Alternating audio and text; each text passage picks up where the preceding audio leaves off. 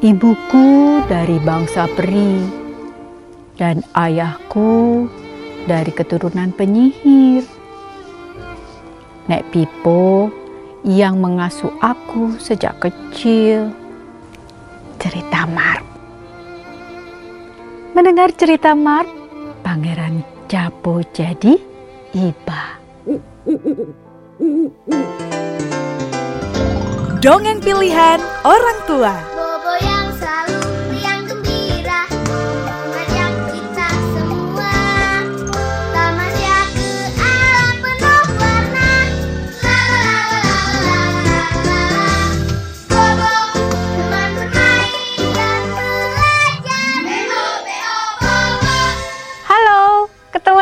Dengan Kak Lucy.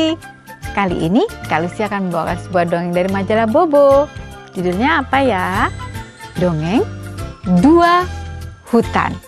Kita dengarkan dongengnya bersama-sama ya.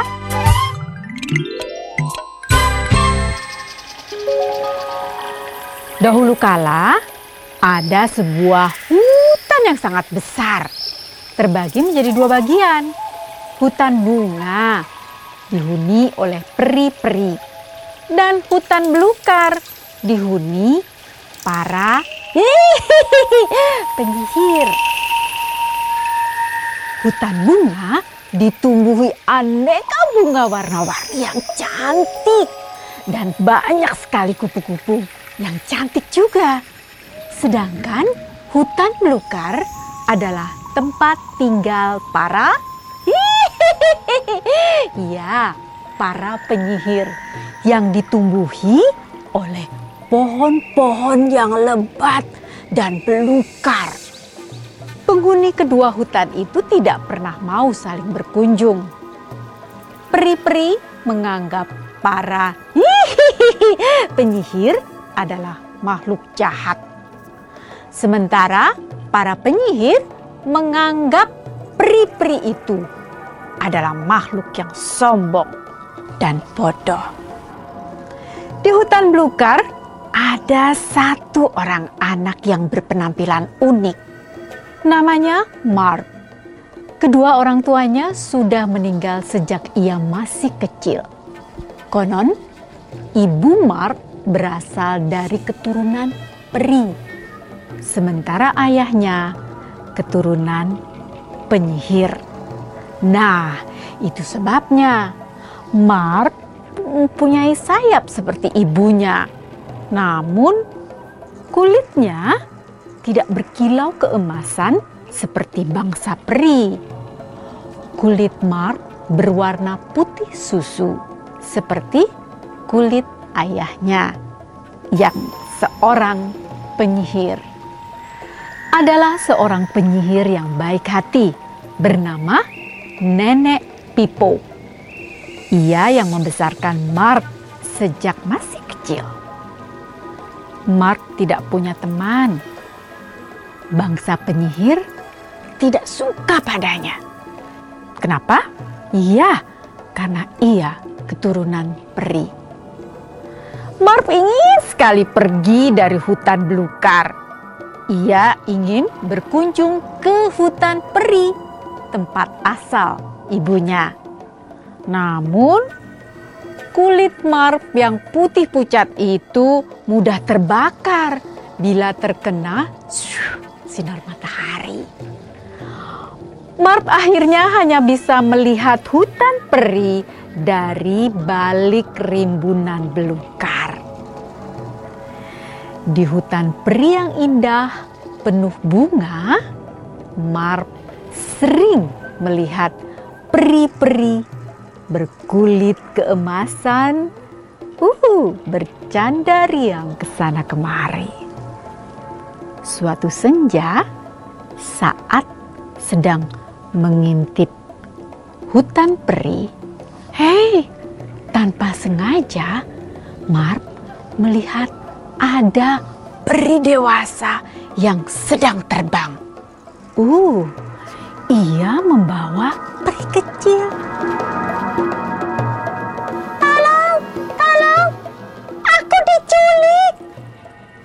Teriak peri kecil itu.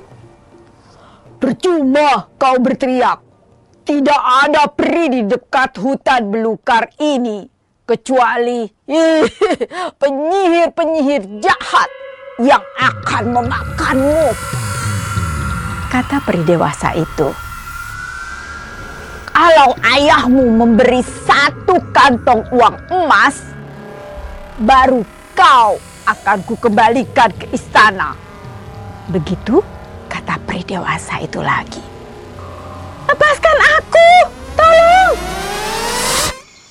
Marp Iba melihat peri kecil itu. Ia lalu uh, mengeluarkan ketapel dan psh, membidik sayap peri dewasa itu.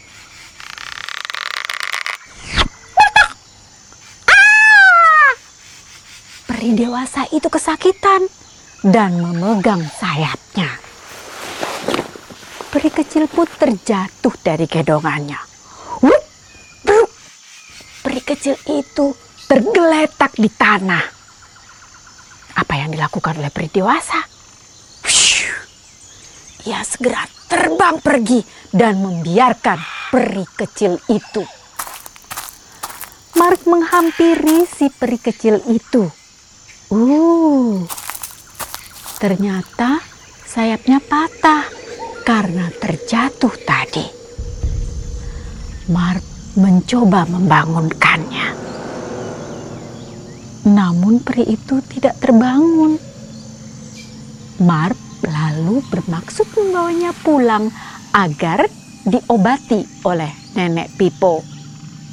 Wah, namun tubuh peri yang bercahaya keemasan itu membuat tubuh Marp uh, kesakitan. Marp akhirnya berlari pulang dulu untuk mencari selimut. Ia lalu kembali lagi dan membungkus tubuh peri itu dengan selimut.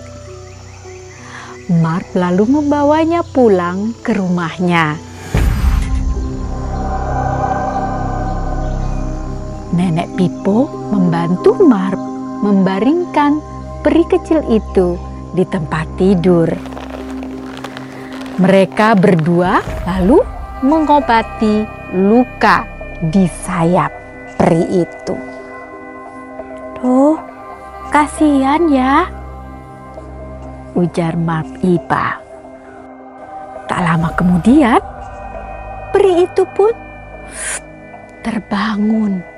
Ia sangat terkejut dan takut saat melihat Marp dan nenek Pipo yang sedang merawatnya. Mengapa aku di sini? Eh, di mana aku? Tanya peri kecil itu gemetar. Jangan takut, peri kecil, namaku Marp. Dan ini nenekku, Nek Pipo. Aku melihatmu jatuh dari gendongan peri jahat yang menculikmu. Aku yang membidik peri penculik itu. Sayapmu terluka dan aku membawamu pulang ke rumah nenekku. Kami mengobatimu. Lihatlah, sayapmu sudah mau sembuh. Kecil itu melihat balutan di sayapnya. Kini ia tidak takut lagi. Minumlah obat ini, kata Mark lagi. Peri kecil itu langsung klop meminum obat buatan Nek Pipo. Ia lalu bercerita. Aku Pangeran Japo, putra dari Raja Hutan Peri.